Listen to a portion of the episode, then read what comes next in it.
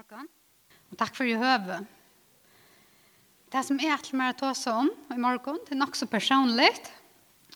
Det som liker meg i hjertet, det er at døyla et sindra av tog som vi som familie har opplevd, og som vi er ferdig gjøk noen søgnast i ærene. Og jeg vågner min bøner at jeg, jeg sitter etter ved en kjensla, av at jeg kjenner han og synder bedre. Elsker han og synder møyre, og og troa enn møyra at livet til hans herre er. Det er alt for min bøen for hjetta. Et vers i Salma 6-20 stender, og jeg halte så øye pent, tog at her er kjelda løfsens. Og jøse tog noen, så tja vid jøs. Er ikke pent? God er opphavet til alt som er godt. Men ikke alt. Det er ikke alt som er godt. Heimeren vil jeg si at han ligger ut i ytla, og vi får ødel blått eie av løvn og en kvørst, hvis man kan si det så is. Og det er simpelthen en perser av tog jeg være menneske, og vi lever i en fallnare vær. Og vi taler ganske av som suttje og sinter utla, de slipper sinter morgen snikkaleis tjøkken løyve, men fakta er at okkur kommer av løyene til okkur nødl. Men bare inntil som det stender, at han skal torska først her. Vi får lese et vers for det som kan vara iveskriften over det som er alt mer å si. Och som på en måte kan det vara som täcker samman om det som vi har opplevd det sista tve tre åren. Det er det sista verset som stender i Johannes 16. Och det är nyståan och tog som Jesus säger, bort är han för ut och i årsdagaren har han varit att han får lete sig handtag. Jesus, han brukar sina sögnaste løte i fralse a bia for sine bøtten. Og det er noen som her sitter. Han bier for tøymon, han sier til for bier for tøymon som han er av ved å bære sintene fyr. Og til er okkum. Jesus hei okkon i hoa, æren han for ut, a bøta for okkara sinter. Det er nok så ramand. Det er vers 33. Hetta har vi tala til tikkara, for at vi skulle hava fri og i mer.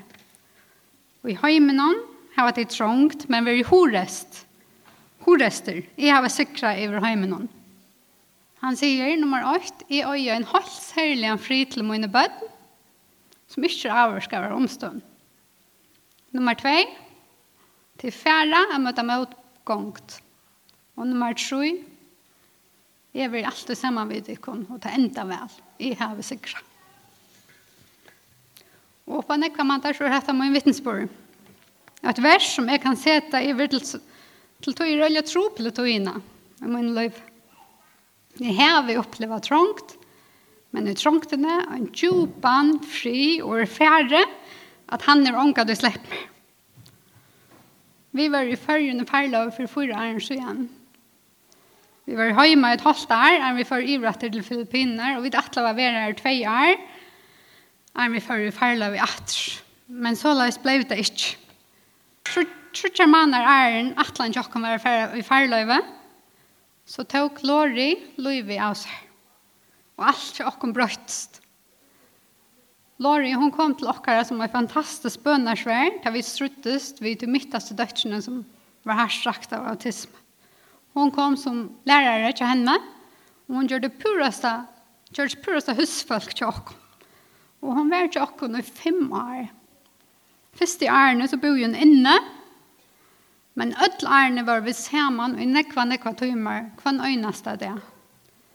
Og for mer så var hun som en yngre syster, og en ordentlig gav vinkene, og for mannen kommer så var hun simpelthen som en døtter.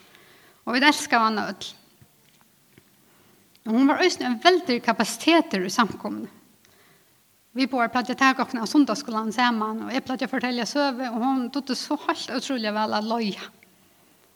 Og, men allermest så var hun en god mamma, ikke luttla nøboa. Men i en vøykar løte, så gav hun opp. Og da skulle det bare en løte løte til. Hon gav etter trusten hon, og sin tropla tjonerleie, som var mest av misbruk.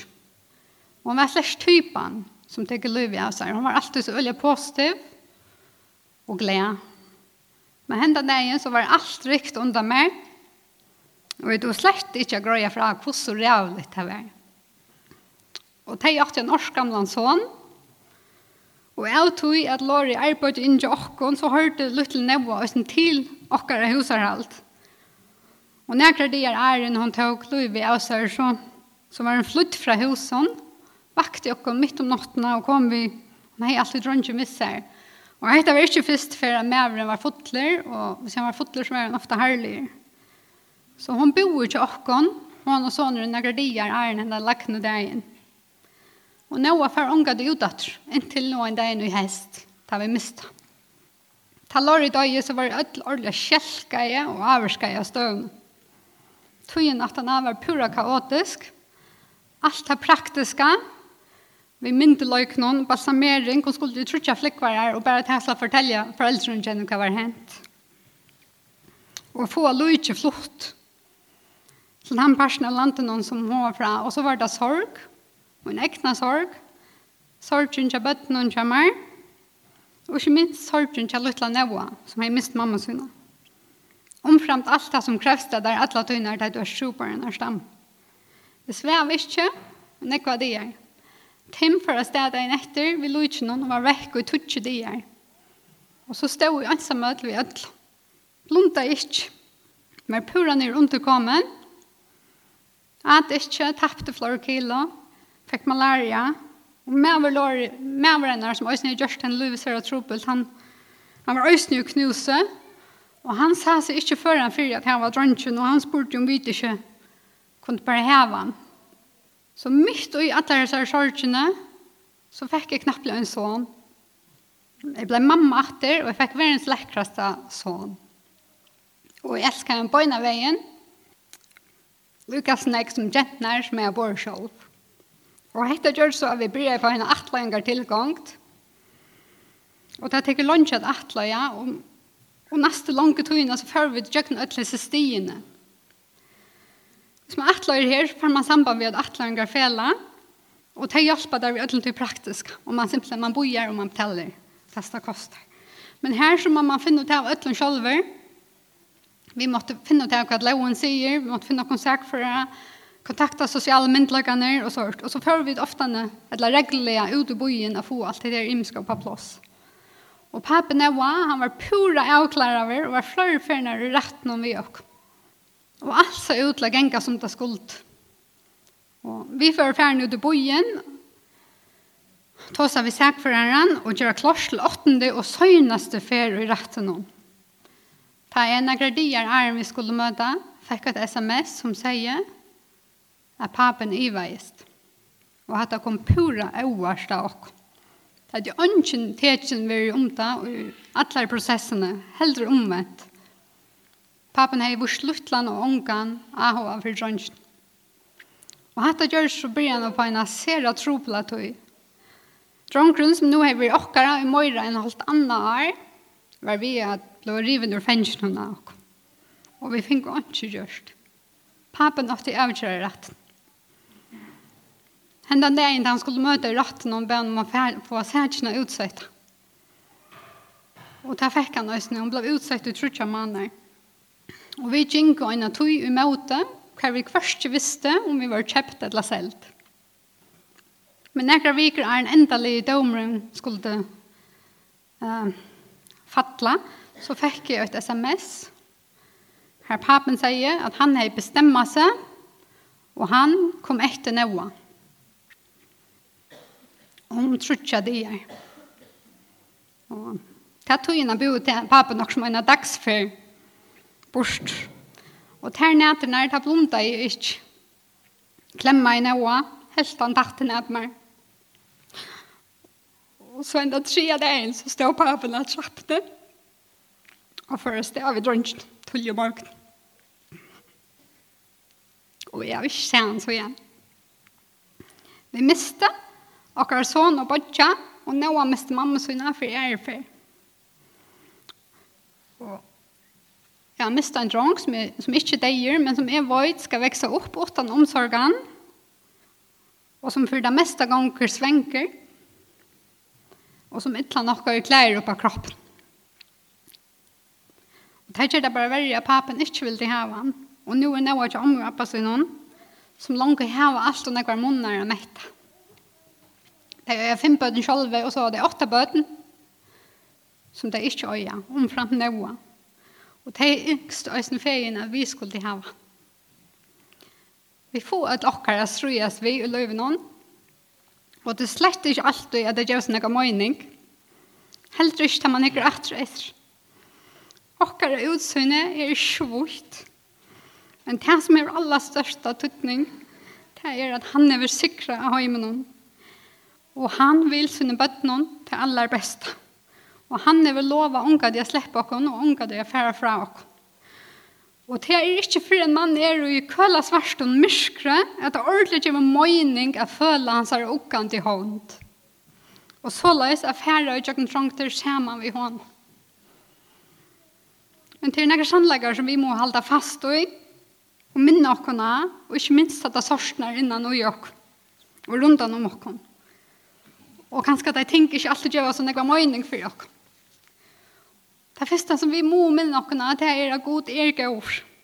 Vi vet at vi som er frelst, er bøten til færger jøsene, som gjør atler gavar og fullkomne gaver. Og vi leser i første Timotheus brevet at han gjør ryklige Det er rukt og godt å vite at det som er njøte, det er fra hånden. Mennesker og omstøver som ryker mot liv, er gaver fra hånden. Og et annet som vi må minne oss og sattes vi, er at alt det som høyrer hjemme noen til, det er ferrand. Og det er bare ikke spekkel hvis du er fast. Her under solene, det var møler og rost, og bøyblant hos han nekva om det. Etter håndene, så missar vi etla vera vi mist. Enta, okkara evner, okkara styrke, okkara halsa, okkara utkjønt, alt fer. Alt dette her som vi brukar at identifisere okkom vi, alt her fer. Alt er ferrand. Ta har løyv noen til. Og ta jauar øyla deprimerand. Men til bedre er det ikke alle sannløy. Vi var jo frelst, fra du forgangelige til det som ikke kan forgenge. Tymligt og evigt, færende og værende. Og jeg halte ofte nå, så er det vi som er frelst, vi tok seg ganske at nå er vi frelst, og så akkurat så kører vi da en billett i lommen som vi skulle bruke og tjekke inn til vi kommer til himmels. Men det er ikke mye enn det. Det er langt nå. Det er vi har løyve, det er langt å begynne nå. Langt nå, har vi parst ut i himmelska. God sjolver, hvis du trorst av Jesus, så bor God sjolver og i tær vi andra sunn. Langt nu, fra å være blind fra hesten her evige, og bare være som Bibelen tåsar om blåmann av marskene, som en røyker, som er vekk om morgen, og så at hoksa om etter evige dimensjonerna, og disse fantastiske dimensjonerna som langt nu er i okken og i Kristus. Vi slipper at livet er til livet nå, sammen vi god.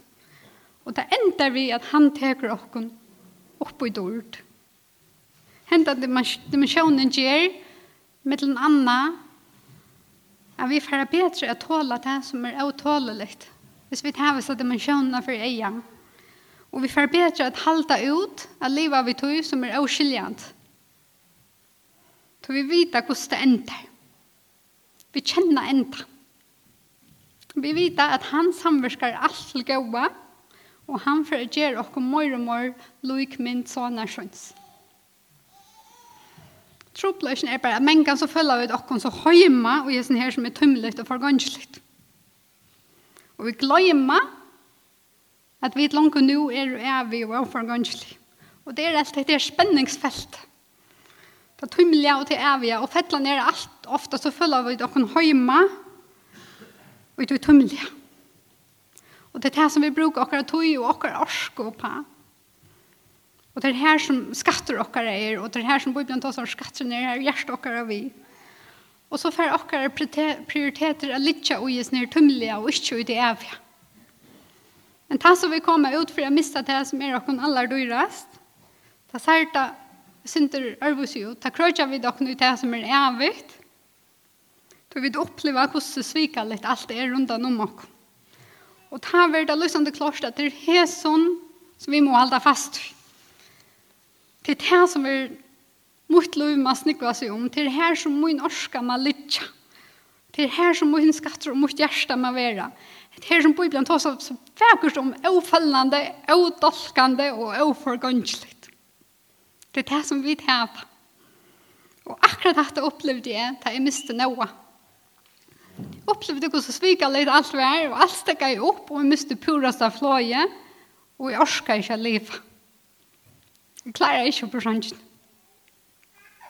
Men som tog inn fra alle, så vann jeg med hans her styrke, speklige føtter etter. Ventepunktet var, da jeg begynte at homa et evig perspektiv. Paulus skriver i 17. Korint 4, 16, «Du trångt okkara er stokkot og løyt, Som vi slokket og lagt virkar og jakon større og større iverflå av evigere fytling av dord. Ikke tog at trangten føler stokkelt eller løyt ber gjerne enn. Men i myskron noen gjør seg morra grøtt for meg at jeg må halda fast og just her som jeg ikke kan missa. Hette her som virkar iverflå av evigere fytling av dord. Er det ikke fantastisk?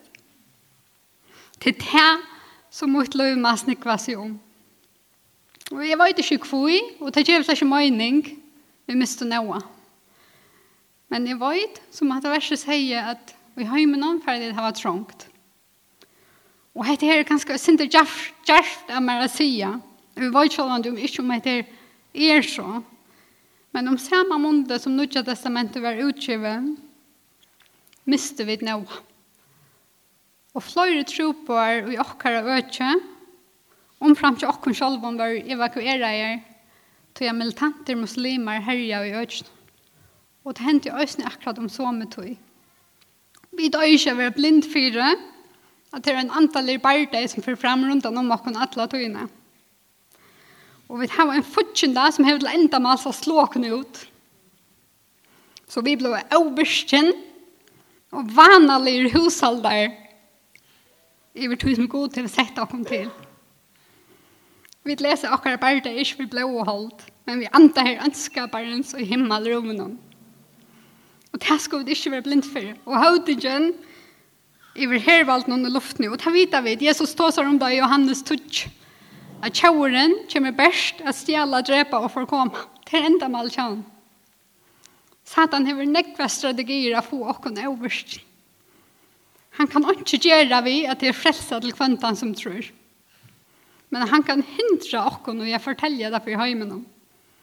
Og hvis han klarer å gjøre det, så er det noe så normal. Og vi kunne spyrja oss selv om hans herre strategi hever etnast vi okkar av lov. Spyr du selv om brenner to for to som herren han hører til. Om ja, så er det ikke etnast til satanet. Hvis det Sverige er nøy, jeg brenner ikke for det som herren hører til, men så er det ikke grunn til satan at brøyta strategi og tunne løyve, så er det et nest sånn. Og som satan gjør, det er han, han leier bra her som det er vøykast. Han kjenner okkar avbjøyngar, og til her han leier bra. Og til omkring er det ganske maktgjørnt, omkring øren er det ganske materialisme, eller stoltløyge, og så vil jeg, Og til øye ringt av suttja det til noen sjolvån. Man er så blind for det sjolvån. Og et navn som Satan hever til Belzebub, og det merker herre floerne. Herre til floerne. Og hvordan gjør floerne? Jo, hun setter seg av de skittende plettene. Og så løs gjøre Satan. Han vet hver vi der vøyk, og det er her han setter inn. Året Satan merker av her. Og det kjenner vi alt til. Han minner okkona, okkara sinter, og hvordan obrukelig vi der. Og hvordan kykseier vi der. Sinter, som Jesus langt hever inn derfor. Og han fer okkona føla til at vi er nytteleis. Men Bibelen sier at det er ingen fordøming for Du Tu erst elskar akkurat som du erst. Og du er sikker i Guds fullkomna kærlega til tøyen. Og det er her som lydselen er. Og til mengene vi glemmer det, og varst du hva? Så glemmer det, så lever vi som skuggar av oss selv. Som kripler. Som fyrbrand i olveren. Og i filmen om Lord of the, eller i Bouchen, Lord of the Rings, Tjatalken. Som Gollum. Som er en fyrbrand i. Og det er det som synden gjør vi også. Vi tar ett högt kall. Og vi tar ikke tog jeg spitt lokkere løy bort. Det er så stort. Vi kvarst så spyr fast med hvordan man skal be for trobåren. Trobåren strøyes vi akkurat det samme tingene som alle andre. Og trønja til att be vi for akkurat det samme.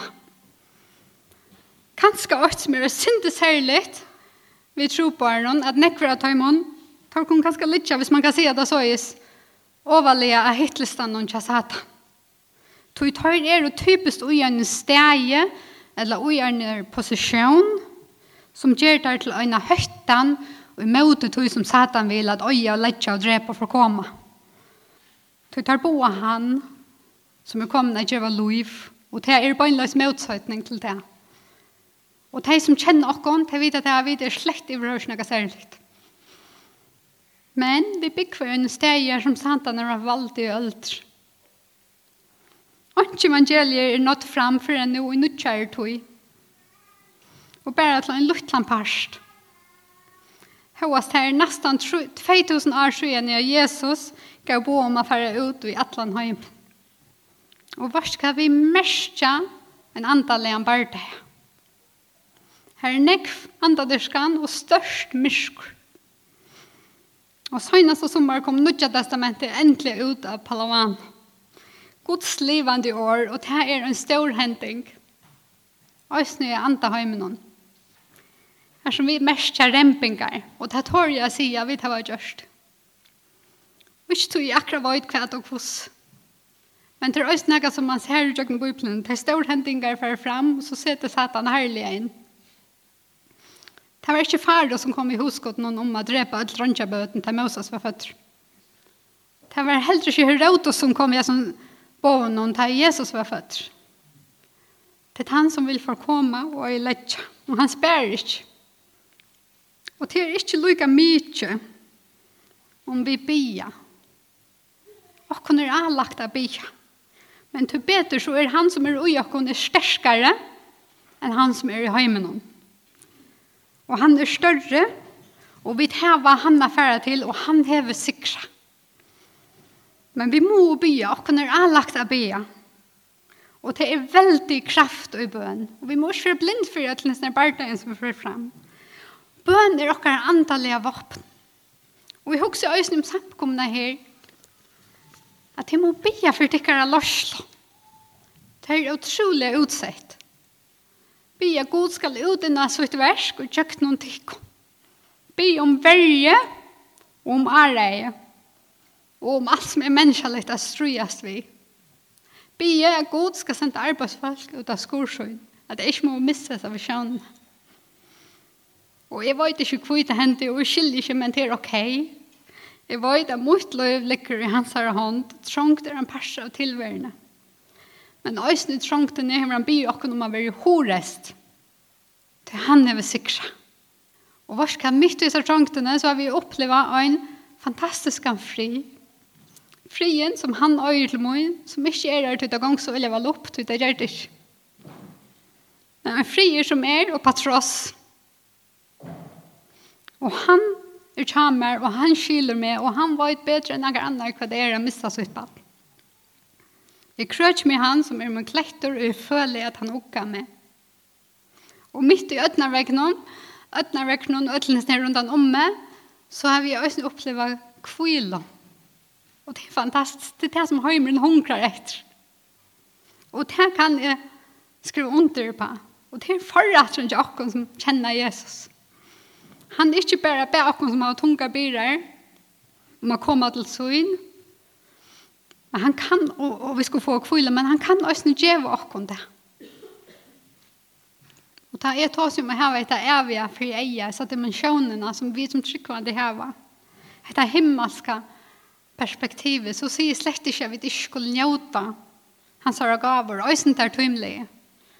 Vi selv om det skulle vi elske okkara bøtten og så videre.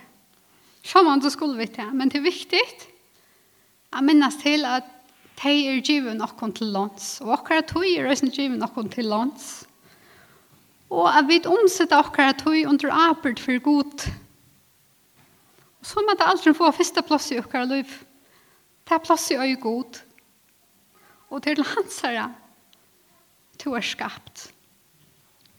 Og tar vi livet så løyes, vi ser vitan i at alt dette er til lands, så kommer noen andre ting og snu på plass. Vi får være det som vi var skapt til å være. For blir vi bedre foreldre, bedre merker, bedre arbeidskraft og at akta god, det gjør øye negativt. Det gjør som om at det bare er avmarskinger. Men verileitjen er at det akta god til det beste som du kan gjøre for deg selv. Han som er skapt. Og hvordan vi er i møter øren til avspakler okkara forhold til god. Og faktisk er alle dere mennesker liv forhold under disse medregler. Ta er skilje i det her at jeg verlig er elska og virkjent og gode, så får jeg at elska han, og at elska han mestjer at elska andre. Jeg får jeg være gestabløy, Min mann er underkjøven, er av mine foreldre, elsker mine fortjender, tjener mine medmennesker, elsker brødene, ikke endelig at jeg de er det verdt, menneskelige, men til god er det verdt. Og det er han som er by oss. Jesus ser til som standarden for oss her, det er han elsker oss men vi starter for fortjender. Og det er ikke alltid at det er så nevnt kjenslige. Kjensler er en gava fra god. Det ryker okkara liv og på nekva mater. Og det gjør okkara en dupt som vi annars ikke hadde haft, og gode og hver nøyre nøyst. Men det er ikke det viktigaste. Det er øye ikke hava reie av det. Så det kunne lettelig følge oss i offer. Og vi øye øyne gjør moralsk vel, og sånn at det ikke føles så løs. Hva er det hvis Jesus sier at kjenslene er stort seg, Han var ved ut til Golgata. Han visste hva var for fremme, og han yngste å slippe undan. Hva er det hvis Jesus, eller at kjenslen er stort skjer til ham? Etter at han får så øye vekkost ved Judas, bort er en Judas for ut i myskru og svitje han. Hva for kjensler måtte han heve til ham? Etlan har jeg kattlet Judas for vin. Da han kom etter til Da han kom vidt dem som han tok og han, han kallet han for vin. Vi tar et fantastisk fyrdømme. Løyvi er så utrolig stort at jeg kan bruke det vel. Kunne vi bruke okkara løy bedre enn å tjene honom som gav seg for oss. Og investere da og gjøre dimensjonene og gjøre det evige som er oppfølgende og og oppfølgende. Og at etter ikke bruker okkara tog til farfangt. Og la det være vi at spytle okkara løyv og på det som ikke har tøtning i avløkken. Vi er hans herre, og han er givet okkara en store arbeid for en høyme som er fortapt åtta en Jesus. Og ta god for rette plass i okkara løyve, så kommer det snakk annet og på plass. Vi færre at oppleve trångt, Da slipper vi ikke undan, men Og i trångtene får vi da kunne njuta hans her fri og hans her nerver og oppleva at han ber okken utjøkken. Og i snir evig av jøsene som vi hava, så sørger trångtene er øvrig seg ut. At jeg kan leve kvendt derfor i han. At jeg kan gledes og at jeg var parst og i snir avmissende arv. At jeg kan fortelle hjemme noen at det er evig lov å få.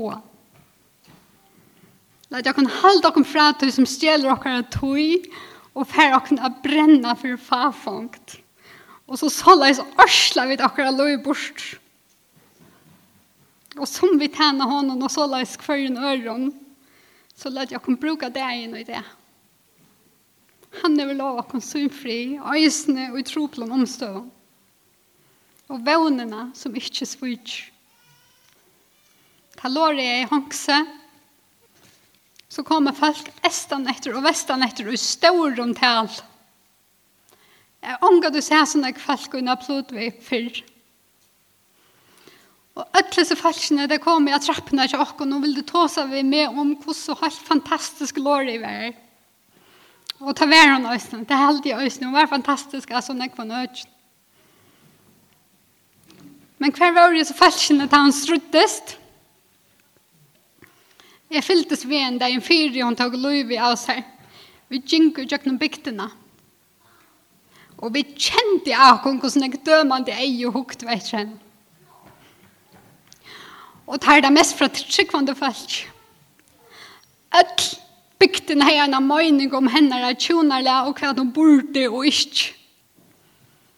Ingen rett igjen i en hånd. Jeg vil ikke som fikk mer stål med en tøyverd. Kanskje jeg søver ikke enda så syrkelig som hun gjør det. Som ting kunne vi bare gjøre bort nå. Som vi høver vi at henne er det bare nå. Vi øyer ikke morgen, vi øyer bare bort nå.